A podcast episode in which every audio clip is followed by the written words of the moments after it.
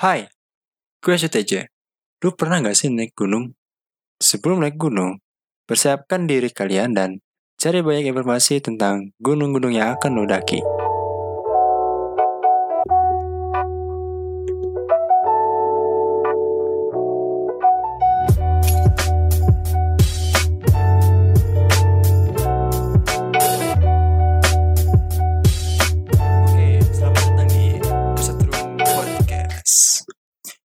Ya, ini tentang hobi gue yaitu naik gunung dan gak sedikit, bukan gak sedikit lagi sih, tapi udah banyak banget gitu. Orang-orang yang pengen naik gunung, termasuk temen gue gitu, mereka selalu ngajak gue untuk naik gunung. Kalau misalnya lagi, ya gitu jadi, ja, ayo dong ngajakin gue naik gunung, ja, ayo dong naik gunung. Cuman, aduh, gue agak lagi gak ada duit dan mungkin waktunya juga belum ada gitu ya untuk naik gunung. Jadi, gue tuh kalau naik gunung setiap abis lebaran gitu, setahun sekali udah kayak kegiatan tahunan gitu dan izinnya pun kalau sama bokap sih gampang, tapi kalau sama kalau sama nyokap itu ya lumayan alat lah. Tapi kalau misalnya udah kalau misalnya udah apa sih bokap udah ngizinin ya nyokap pasti ngizinin gitu. Cuman masih agak susah. Walaupun gue udah naik gunung lima kali yaitu Ciremai, Sindoro dan Prau. Ciremai gue udah tiga kali selama SMA. Awal naik gunung itu gue tahun 2000 tahun 2015 bulan Agustus atau Oktober gitu gue lupa pas gue lagi kelas 10 waktu itu gue naik gunung sama teman-teman SMP gue dan sama guru SMP gue jadi gue diajakin sama guru SMP sama teman-teman SMP juga buat naik gunung. Dan waktu itu juga pengen banget gitu naik gunung. Gue selalu cari-cari cari-cari cari banyak banget kata cari-cari gue selalu cari info tentang apa sih Gunung Ciremai dan tentang gimana sih naik ah tentang naik gunung gimana gimana naik gunung apa peralatan naik gunung gitu. Dan waktu itu gue gak punya peralatan apa-apa. Gue cuman beli jaket dan sleeping bag buat naik gunung Ciremai pertama kali lewat Apuy gue itu eh, waktu itu trek malam. Ya jalan malam.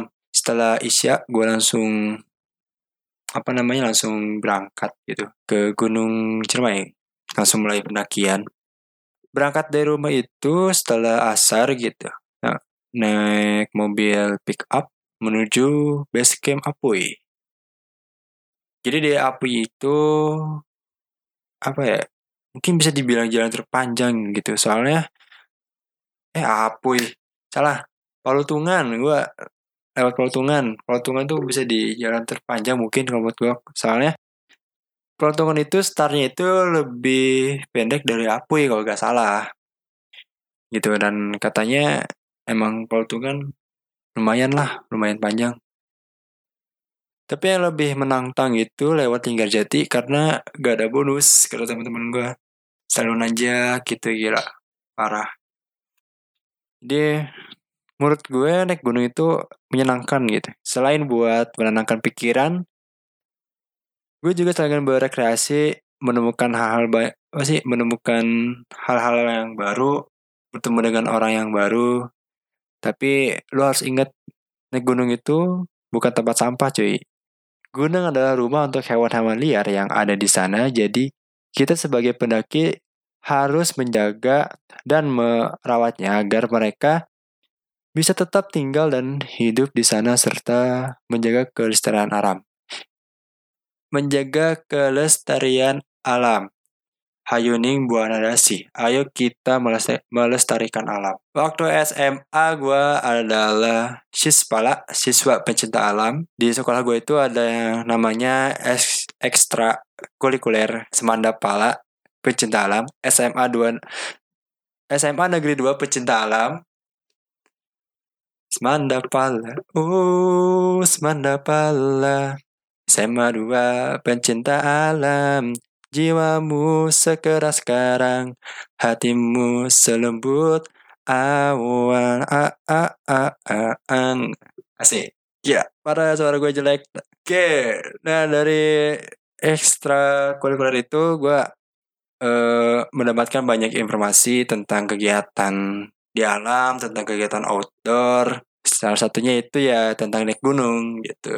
Dari alumni Semadapala, gue banyak apa sih banyak mendapatkan informasi tentang gimana naik gunung, tentang gimana eh apa namanya rappling, terus juga susur gua, oh, segala macam banyak lah tentang survive. Gila, gue suka banget materi survival karena di situ kita diajarkan bagaimana caranya kita bisa bertahan hidup di alam liar.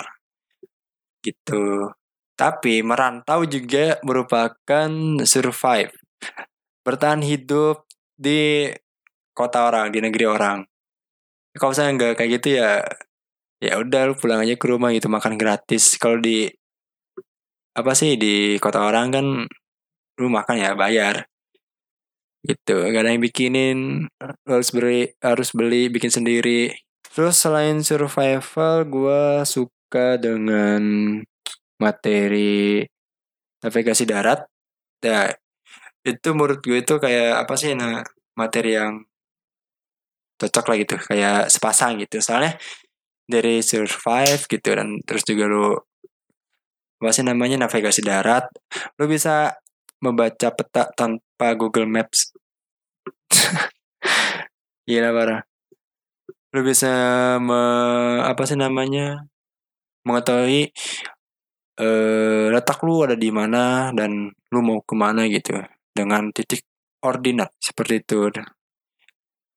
Belajar survive itu ya gampang-gampang susah. Maksudnya gampang-gampang saya mungkin kalau survive itu selain lu baca materinya selain lu baca teorinya dan melaksanakan prakteknya mungkin lo yang lebih berperan itu adalah pengalaman lu gitu dalam bertahan hidup di alam itu seperti seperti apa. Seperti itu. Soalnya ya menurut gue sih kalau survive pinter-pinter lu nya buat improvisasi di alam buat bertahan hidup gitu.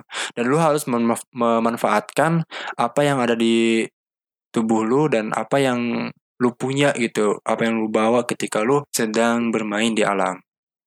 Seperti itu. Selain itu juga lu harus tahu mana makanan yang bisa dimakan mana makanan yang gak boleh dimakan tentang hewan liar tentang bagaimana caranya membuat perangkap, membuat apa sih air dari embun. Wah seru lah pokoknya. Cuman anehnya dulu waktu kecil itu gue gak suka gitu dengan main-main di hutan gitu. Gak tau lah pokoknya gak suka mungkin karena banyak apa namanya banyak apa nyamuk gitu kan seperti itulah gue kayak senangnya kayak main ke mall main ke mall main ke mall gitu tapi setelah SMP uh, eh, gue lihat postingan saudara gue dia naik gunung naik gunung Ciremai naik gunung gede naik gunung Mameru gue tertarik naik gunung gila. Keren parah sumpah. Dan waktu SMP gue masuk ekstrakurikuler ekstrakurikuler pecinta alam juga di SMP cuman hanya selama setahun hanya waktu kelas 7 waktu itu setelah itu gue pindah eskul yaitu pas kibra dan pramuka dan waktu SMA gue lanjut di pecinta alam sampai lulus banyak banget pengalamannya gila dan ngomong-ngomong tentang naik gunung, gue selalu bilang sama adik kelas gue, sama teman-teman gue, kalau misalkannya lu belum pernah naik gunung, naik gunung ya jangan asal naik gunung. Soalnya naik gunung itu bukan hanya ya memang buat lu seneng gitu, buat menyenangkan diri lu, tapi gak harus ya jangan jangan sampai lupa gitu bahwa di gunung itu bukan lu doang bukan temen-temen lu, lu doang tapi ada hewan liar dan semacamnya. Buat naik gunung itu lu juga harus tahu uh, medan yang bakal lu lalui uh, apa namanya trek yang akan lu lalui. Lu harus tahu tentang alamnya lu harus tahu tentang flora dan faunanya gitu. Dan pastinya uh, Fauna yang bisa sering kita temui itu adalah babi hutan yang akan menjadi tamu di tenda lu, mencari-cari makanan, mengkoyak-koyak makanan, eh, meratakan tenda lu mungkin atau segala macam lah gitu. Cuman pengalaman temen gua, dia cerita sama gua bahwa waktu itu dia naik Gunung Ciremai lewat jalur Apuy dan sama juga sama guru apa namanya sama oh, waktu itu guru sama guru SMA dan guru SMA-nya ini dia juga alumni Semadapala gitu ekstrakurikuler ekstrakurikuler di sekolah gua. Pas setelah apa namanya udah mendirikan tenda dan mau summit mungkin gue juga nggak tahu katanya dia ada suara babi. Terus ngedeketin tenda dia dan pas dia buka sleting tendanya itu dia udah ada depan sama babi gila parah banget. Ya gitu ya mungkin gara-gara ini ya gara-gara eh, sampah lu terlalu deket gitu sama tenda lu. Jadi babi ya nyamperin nyari makanan di sampah itu sampah bekas mungkin lu bekas masak buang makanan ataupun semacamnya. Ya kalau misalkannya emang lagi bikin tenda eh di apa namanya di pos pendakian buang sampahnya ya eh tempat sampah itu ya agak jauh dari tenda gitu. Dan jangan lupa dibawa turun sampahnya guys. Sumpah. Entah bahagia atau sedih karena gue waktu itu lagi lihat-lihat Instagram dan ternyata ada orang luar yang naik Gunung Indonesia. Dia tidak tersesat karena dia mengikuti jalur sampah. Gila keren juga tuh. Ya cuman ya gimana ya enak dilihat juga sih kalau misalnya udah banyak sampah gitu kan lihatnya kotor juga gitu dan merusak alam juga. Cuman di belakang walaupun udah disuruh dilarang apa ya bawa tisu basah tetap aja sih banyak yang apa namanya bawa tisu basah.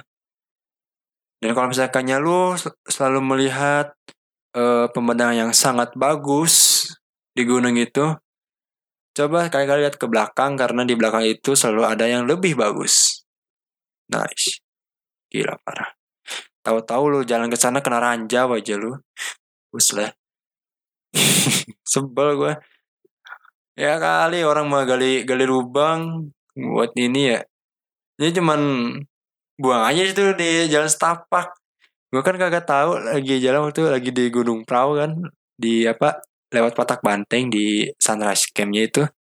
Gue lagi nganter temen gue dan gue juga emang kebelet juga gitu kan lagi jalan jalan jalan. Ceret aduh kena ranjau bang uh sel gue gila kenapa gak bikin lubang gitu di semang-semang. Terus juga kadang asal apa sih asal buang aja gitu berarti asal asal buang bekas itu itu ya? Kan bawa tisu gitu asal buang gitu. Kenapa sih gak bawa trash bag gitu terus masukin ke situ? Soalnya itu gila kotor banget. Di balik indahnya pemandangan indahnya pemandangan ternyata ada yang lebih indah lagi. Ya. cukup lah buat lu dumel-dumel gitu. Dan gini ini masih di perahu juga nih dan itu udah malam udah waktunya tidur jam 10 jam 10 malam gue juga udah capek kan pengen tidur. Dan pas lagi jam 12an atau jam 1 ada orang yang baru datang pengen diriin tenda. Dia teriak-teriak dong nyari temennya. Mungkin ya mungkin ya emang gitu kan. Eh mungkin temannya itu lagi lagi nyari area buat diriin tenda. Terus ya mungkin terpisah gitu. Cuma ya gak jauh-jauh sih mau situ-situ aja gitu kan dan dia teriak-teriak. Gila gue lagi anak-anak tidur kebangun keganggu sumpah.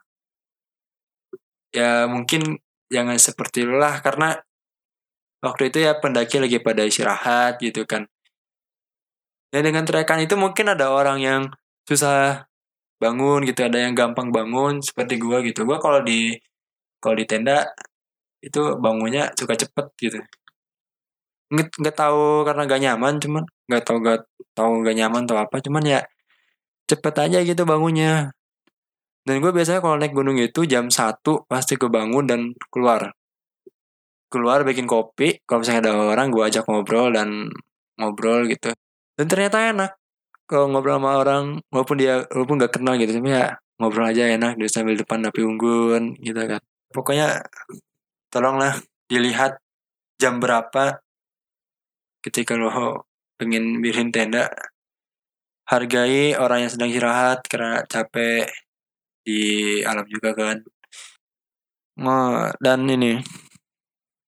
Sebelum lo naik gunung, sebelum lo naik gunung lo harus bisa cari banyak informasi tentang gunung-gunung, tentang jalur pendakian gunung, alat-alat gunung dan apa sih yang bakal terjadi ketika lo sedang naik gunung gitu. Karena jujur gue selama naik gunung gitu, pas gue pengen naik gunung walaupun gue udah uh, biasa gitu kan dan maupun ke gunung yang sama dan jalur yang sama gue selalu takut. Soalnya pasti dengan orang-orang yang berbeda gitu kan. Kenapa gue selalu takut karena gue gak, gak tahu apa yang akan terjadi ketika gue sedang mendaki di gunung yang sama dan jalur yang sama. Soalnya cuaca juga akan berbeda terus juga trek juga mungkin akan berbeda entah itu bas eh, licin ataupun kering gitu kan. Gue gak tahu dan gue selalu waspada pokoknya. Cuman ya itu gue juga tergak terlalu banyak ilmu tentang penyita alam eh tentang penyita alam tentang eh, bagaimana hmm, berpendakian gitu. Soalnya gue cuman meng apa sih mengadakan pengalaman gue dari yang sebelumnya dan obrolan dari teman-teman dari teman-teman yang sama suka ngedaki gunung gitu. Gue selalu waspada dan gue selalu diingat diingatkan dengan sama bokap gue kalau misalkan lu pengen ada kegiatan ataupun pengen ke mana-mana harus inget pahitnya harus inget pahitnya karena dengan lu inget pahitnya lu bakal waspada gitu lu bakal mempersiapkan apa yang akan terjadi sehingga lu bisa mengantisipasi dan mencegahnya. Selain mencari informasi tentang naik gunung, uh, lu juga harus bisa apa ya menyiapkan fisik lu gitu sebelum lu naik gunung karena mungkin kalau yang udah biasa mah ya udah ya pengen dadakan naik gunung juga ya selalu gitu. Cuman yang bagi yang baru naik gunung ya kayak pemula gitu ya setidaknya lu ada kegiatan fisik dulu gitu kayak jogging lah mungkin ngiterin uh, lapangan bola sebanyak enam kali atau sampai tujuh kali. Karena kata alumni dari Semandapala eh kuliah kuliah gue pas lagi pas lagi SMA kalau misalnya naik gunung itu ya harus ada latihan fisik dulu biar badan lu gak kaget lu juga gak, cep, gak cepet capek lu juga bisa nyampe puncak stamina lu terjaga. Karena di gunung itu gini apa namanya mungkin ya kan kita sama teman-teman kita nih kalau misalnya teman-teman kita ada apa-apa kan ya kita harus bantu juga. Tapi kalau misalkannya kita apa sih ya cepet capek ya gimana mau bantu teman kita gitu ya. Mungkin salah satunya itulah yang gue tanggepin. Tapi yang utamanya itu buat diri lu buat demi diri lu. Karena naik gunung itu apa ya taruhannya nyawa. Kalau menurut gue kenapa nyawa? Karena ada bahaya yang lu gak tahu itu bahayanya seperti apa gitu yang ngancem lu seperti apa kan ya kemarin-kemarin juga kan eh banyak kan tahun 2019 itu nggak sedikit lah orang yang diberitakan bahwa menghilang di gunung, bahwa jatuh ke jurang di gunung. Ya seperti itu. Jadi menurut gue sih lu harus lebih waspada gitu dengan pas lu pengen naik gunung. Selain fisik juga harus mempersiapkan pengetahuan lu tentang alam juga seperti ya yang gue bilang tadi gitu seperti survival gitu navigasi darat tentang mountaineering gitu kan teknik-teknik untuk mendaki gunung ya karena dari situ lu bisa mengurangi uh, resiko kecelakaan yang mungkin bisa terjadi pada lu ketika naik gunung gitu. Iba intinya gini, Kalau misalkan baru pertama kali naik gunung, eh, dalam grup atau tim lu itu ya harus ada yang berpengalaman naik gunung gitu, yang udah berpengalaman naik gunung. Karena kalau misalkannya ada yang udah berpengalaman kan ya tau lah di gunung itu nanti bakal kayak apa, mau kayak mana gitu kan. Eh, apa aja yang dilakukan dan apa aja yang jangan dilakukan. Dan lu juga harus menjunjung adat istiadat setempat, lu juga harus menjaga etika gitu. Peralatan yang harus lu bawa ketika naik gunung, dulu gua tuh bawa cuman eh, makanan, logistik gitu kan, terus jaket sama sleeping bag. Udah pakai daypack. Itu pertama kali gua naik gunung gitu karena eh ya guru SMP gua dan adiknya itu dia bawa mereka bawa keril gitu. Dan itu gua cuman bawa tenda satu dengan kapasitas empat orang kalau nggak salah. Iya empat orang. Dengan orang delapan tah. Berapa ya lupa gue pokoknya 8 sampai 9 orang lah gitu. Itu di tenda tidur ya sedapatnya aja. Gue tidur ya tidur kayak biasa kayak biasa gitu, kayak biasa.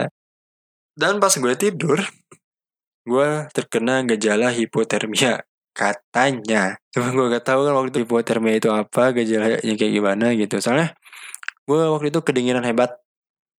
Lagi tidur gila kedinginan hebat. Terus gue juga gak sadar kan dan gara temen gue gue tuh di apa sih kayak ditindin gitu biar lebih hangat gitu biar gak terlalu dingin itu pertama gue pertama kali gue naik gunung ya kena hipo gejala hipo cuma ya pas paginya sih ya alhamdulillah sih ya biasa-biasa aja lah alhamdulillah dan sampai puncak juga waktu itu gila pas lagi pas baru sampai puncak gue sujud syukur pertama kali naik gunung cuy Ciremai, Atap, Jawa Barat, 3078 mdpl. Lewat Palutungan. Kalau dibilang hal-hal mistis, mistis sih ya pasti ada gitu.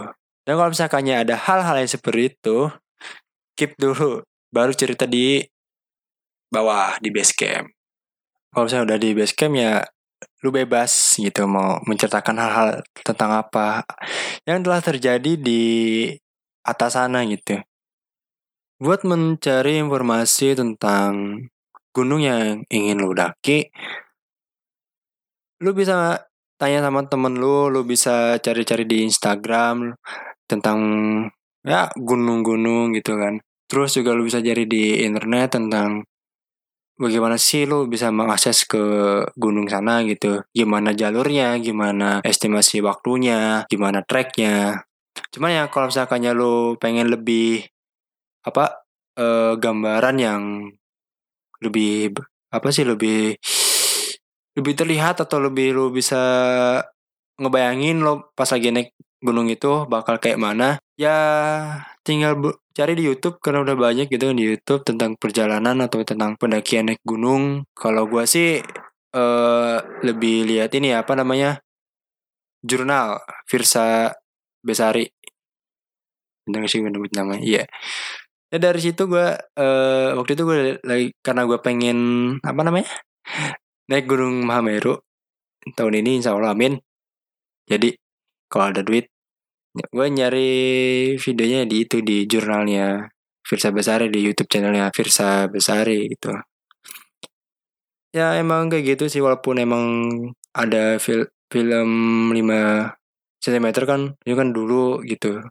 Cuma kalau lihat di YouTube kan ya bisa lihat terbaru itu kayak gimana dan gimana nya gitu. Terus eh, bagi lu yang mungkin baru pertama kali naik gunung dan belum terbiasa dengan suhu, suhu yang dingin lu bisa sekali-kali main ke daerah yang tinggi gitu. Mungkin kayak puncak Bogor bukit atau bubur-bubur perkemahan yang ada di kaki gunung di lereng gunung ya lu bisa main lah ke sana gitu biar lu bisa menyesuaikan eh, diri lu dengan suhu yang dingin gitu. Karena ya banyak juga eh, temen gue yang apa sih namanya eh kurang terbiasa lah dengan suhu dingin seperti itu ya seperti itu terus em, banyak sih sebenarnya Nah pokoknya lu cari-cari aja lah kalau misalnya lu pengen naik gunung gitu. Persiapkan diri lu biar lu tuh gak kaget gitu. Dan sekali lagi itu taruhnya nyawa cuy. Lu bisa tersesat lah walaupun jalur pendakian itu udah jelas gitu kan. Ya nah, masih tetap aja gitu kan orang yang hilang. Gitu. Gue dulu terakhir naik Gunung Ciremai itu eh dua tahun yang lalu pas gue lagi kelas 12 kenaikan kelas 12 SMA baru turun dari Gunung Ciremai lewat jalur Palutungan terus gue scroll scroll Instagram tentang gunung gitu tentang gunung yang uh, akunnya itu ya emang udah banyak lah gitu followersnya dan selalu update tentang informasi gunung gitu tentang gunung-gunung dan ternyata di Gunung Ciremai itu ditemukan fosil manusia. Gila, itu gue tahu hoax atau gimana, cuman gue sih ngambilnya hikmah itu ya pelajarannya ya walaupun jalannya udah terlihat jelas gitu, kemungkinan lu bisa tersesat gitu. Ya lu bisa masih bisa tersesat gitu kan. Dan gue lihat itu di itu, namanya itu uh, pakai baju biasa dan apa namanya? uh, pakai bawa daypack gitu, bawa daypack kecil gitu. Terus untuk apa ya namanya sih? Oh ya buat baju nih. Mungkin lu bisa bawa baju ganti. Cuman gue uh, baru tahu nih dari channelnya Firsa Besari gitu kan. Lihat pas lagi dia ke gunung mana gitu. Yang di Sumatera gitu, lupa gue. Jadi lu cuman harus cuman bawa baju baju buat lagi pas lagi lu jalan sama pas baju lu tidur ibaratnya kalau baju jalan itu ya buat jalan aja gitu kan terus buat tidur ya buat tidur biar nanti kalau misalnya bajunya basah itu kan masih ada baju kering lu tidur ya harus pakai baju kering biar gak kena hipotermia. Nah terus kalau pengalaman gue sih gue bawa baju dan bajunya itu dimasukin ke kantong plastik bening biar bajunya gak basah. Soalnya kan kalau di gunung itu udaranya dingin dan bisa ngembun gitu. HP aja nih HP HP itu sampai ke dalam-dalamnya ngembun gitu. Dulu gue bawa HP dan HP-nya kan masih baterai eksternal pas gue buka HP-nya karatan gitu gila parah. Kenambun kamera juga sama tuh lensanya ngembun. Aduh gila. Buat oh ya. Kalau gue sih kalau naik gunung itu ya peralatan lengkap. Terus juga hampir semuanya perlengkapan pribadi dan perlengkapan kelompok gue bawa sampai temen gue bilang lo kayak pengen pindahan gitu bukan naik gunung. Cuman itulah yang diajarkan oleh alumni Semanda Pala ekstra kulikuler di sekolah gue dia dia mem, apa nih berbagi pengalamannya pas lagi naik gunung dia selalu bawa barang-barang yang buat dia penting seperti tenda, ponco, segala macam. Ya ibaratnya barang pribadi sama barang kelompok ada di lu gitu. Soalnya kita kan nggak tahu gitu kan apa kita kemungkinan tersesat atau apa. Kalau misalnya kita tersesat kan ya kita bawa tenda, kita bawa logistik, kita bawa makanan gitu ya. Jadi kita masih bisa survive dengan aman. Terus uh, gini, gue juga uh, waktu itu uh, lihat uh, apa sih acara TV, eh acara TV, acara TV. Jadi acara TV-nya itu dia eh sedang apa ya apa namanya oh iya, tentang petualangan gitulah gitu kayak uh, long march gitu dan kalau misalkannya lu tersesat gitu dia tuh kayak udah antisipasi sebelum berangkat. Jadi dalam satu kantong kantong plastik itu di situ ada identitasnya ada fotonya sama ada kos kaki. Nah kenapa kayak gitu? Karena kalau misalkannya lu tersesat lu di situ uh, ada identitas lu. Lu tinggal di mana namanya siapa namanya siapa gitu kan. Terus ada kos kaki. Nah kos kaki ini untuk memudahkan anjing pelacak untuk nyari lo kalau misalnya lu tersesat gitu kan di gunung. Dan kalau di acara itu eh, apa namanya jadi si kantong itu dilempar di pinggir jalan raya gitu. Mungkin kalau misalkannya lu pengen naik gunung mungkin lu bisa nitip barangnya di base camp. Dan buat eh, apa namanya kalau perlengkapan sih gue ya usahakan lengkap lah untuk naik gunung kayak tenda, ponco, logistik, jaket, celana kargo, sepatu gunung pastinya. Terus uh, kalau trekking pool tuh mungkin gunung-gunung tertentu kali ya. Ya lu bisa cari aja lah di Google uh, perlengkapan naik gunung. Ya gue juga ke setiap apa sih namanya pengen naik gunung gue suka searching-searching di Google lagi gitu soalnya ya mm, apa namanya kadang suka lupa gitu dan kadang takut ada yang terlewat lah intinya gitu. Itu juga P3K yang paling penting gitu. Dan menurut gue sih gue selama naik gunung sih ya untuk P3K itu dikit-dikit lah gitu taunya dan pengalamannya. Tapi itu adalah penting banget. Oh, itu penting banget soalnya ya tokonya kenapa-napa kan. Gue dulu turun hari uh, terus hampir kayak gue hampir terkilir gitu kan aduh itu kesayangannya. Terkilir terkilir terkilir gitu kan kakinya. Itu kesayangannya nggak ada orang yang bisa nanganin gitu kan. Aduh mau gimana gue gitu kan. Ya bukan orang lain tapi lu juga harus tahu gitu untuk medis-medis yang seperti itu. Juga kalau naik gunung pasti ada yang masak. Itu harus ada harus bisa ada yang masak. Karena di gunung itu ya makan seadanya. Jadi harus punya juru masak biar lu bisa menikmati nikmatnya makanan. Kalau dalam balasan tim, balasan tim itu pas lagi kalau misalnya lagi naik gunung itu ada navigator, ada leader, ada sweeper, eh sweeper, sweeper, sweeper lah. Ya, yang biasanya di belakang, aduh. Jadi navigator itu dia tuh biasanya posisinya itu paling depan untuk mencari arah. Di belakangnya itu ada apa namanya? Ada leader gitu pemimpin grup atau tim. Terus ada anggotanya terus di tengah-tengahnya itu ada logistik orang yang bawa logistik. Jadi kalau misalkannya ada pro apa-apa nggak jauh ke depan nggak jauh ke belakang. Dan di belakang itu ada sweeper yang memastikan bahwa regunya itu tidak ada yang tertinggal. Seperti itu. Terus lu juga harus tahu nih cuaca pas lagi pengen gunung kalau misalkannya cuacanya lagi tidak bersahabat, ya lu lagi jalan lu harus langsung buka tenda. Bisa juga lu berlindung gitu kan biar lu gak basah dan gak kena hipotermia juga. Dan kalau misalkannya masih tidak memungkinkan gitu lu harus balik turun lagi ke bawah.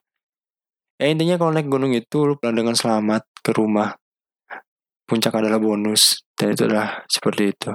Puncak adalah bonus. Gunung itu gak bakal ke mana-mana lu ya masih bisa lah mungkin tahun selanjutnya tahun selanjutnya atau bulan selanjutnya gitu kan buat naik gunung. Yang lu anggap lu gagal buat sampai puncak gitu. Naklukin gunung kayaknya lu gak, gak bakal bisa naklukin gunung gitu. Karena alam itu susah buat ditaklukkan. Lu gak bisa ngelawan alam lah dan alam itu susah ditebak. Gitu. Jadi lu harus benar tetap tetap waspada dan harus patuh dengan peraturan yang sudah ditetapkan di sana gitu. Jangan ini jangan bawa kembang api ke gunung. Ngapain anjir? Dan dari semua yang udah gue sampaikan yang paling penting itu adalah lu dapet izin dari orang tua lu buat naik gunung menurut gue sih ya penting lah buat uh, apa izin naik gunung ke orang tua. Karena ya lu anaknya gitu. Dan orang orang tua lu ya apa namanya gak mau lu kenapa-napa. Soalnya kan kalau misalkannya emang orang tuanya uh, dulunya itu bukan penggiat alam gitu kan bukan pecinta alam pas lagi sekolahnya ya dia masih awam gitu tentang kegiatan di gunung itu seperti apa dan bagaimana gitu.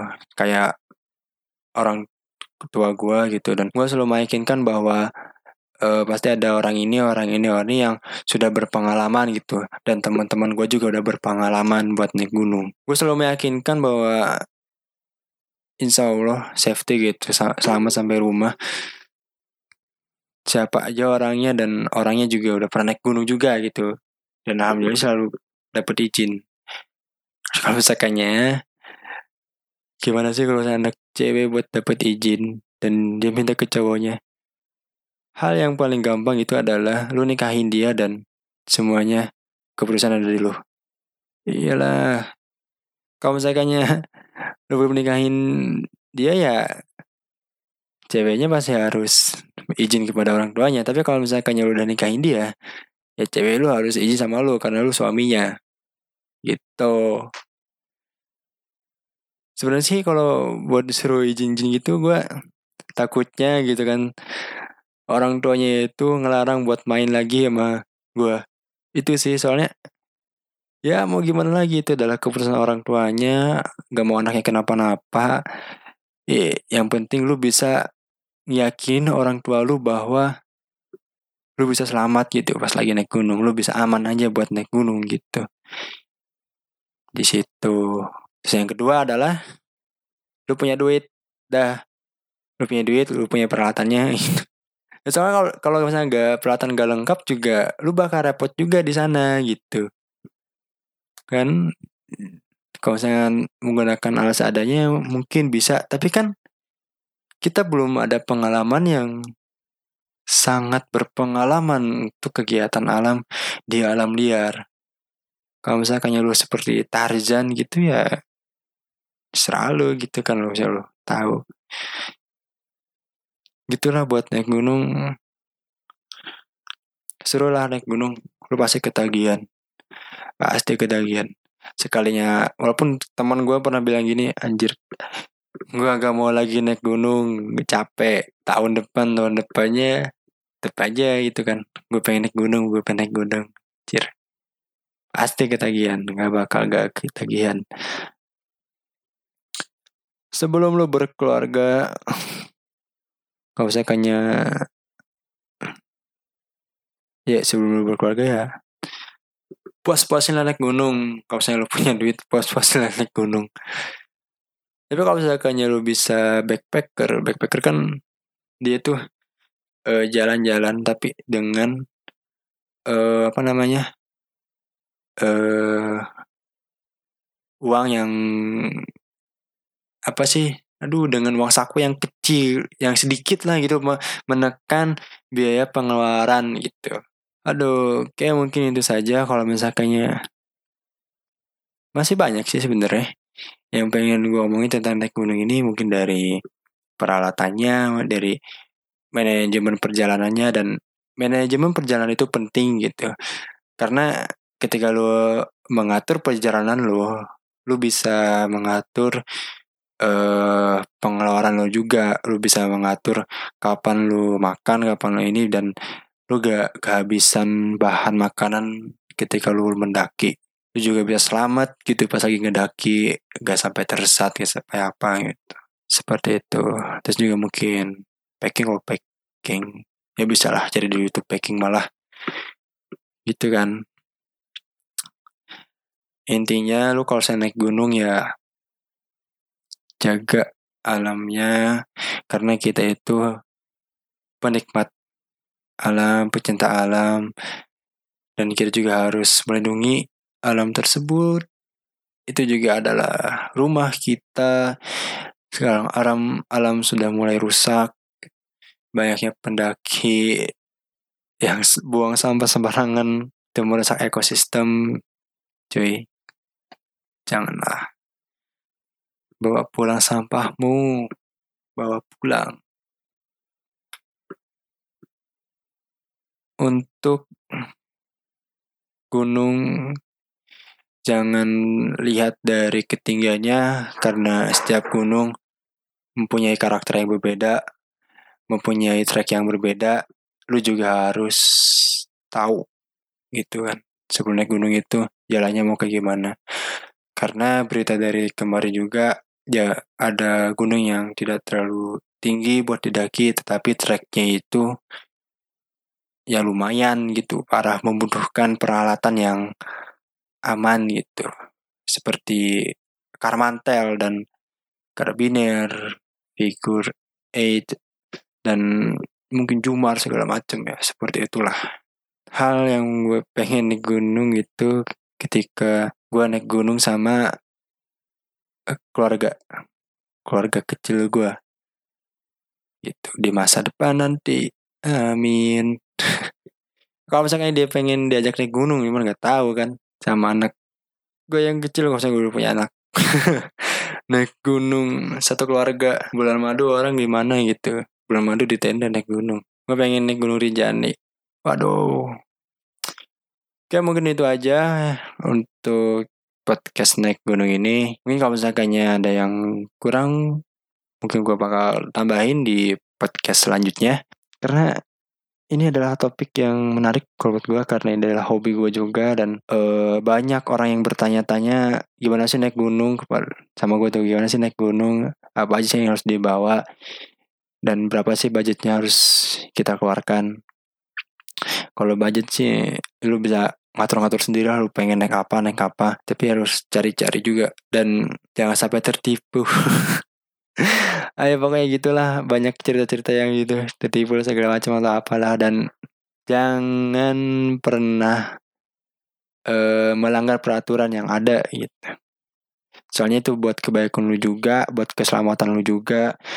Dan orang tua lu nunggu di rumah lu pulang dengan selamat Oke, bagi kalian yang sedang beraktivitas, selamat beraktivitas. Bagi kalian yang pengen uh, tidur, selamat tidur, selamat bermimpi indah. Jangan lupa berdoa. Kalau misalkan yang belum sholat isya, cepat ambil wudhu, cepat sholat. Dan usahakan jangan bangun eh, telat. Usahakan bangun pagi, bangun sebelum subuh. Karena bangun sebelum subuh itu adalah prestasi yang sangat membanggakan. Karena kalau misalnya lu lihat sendiri, lu amati sendiri, banyak orang yang susah buat bangun subuh gitu kan. Begitu sampai di sini saja. Selamat tinggal dan eh, selamat tinggal. Sampai jumpa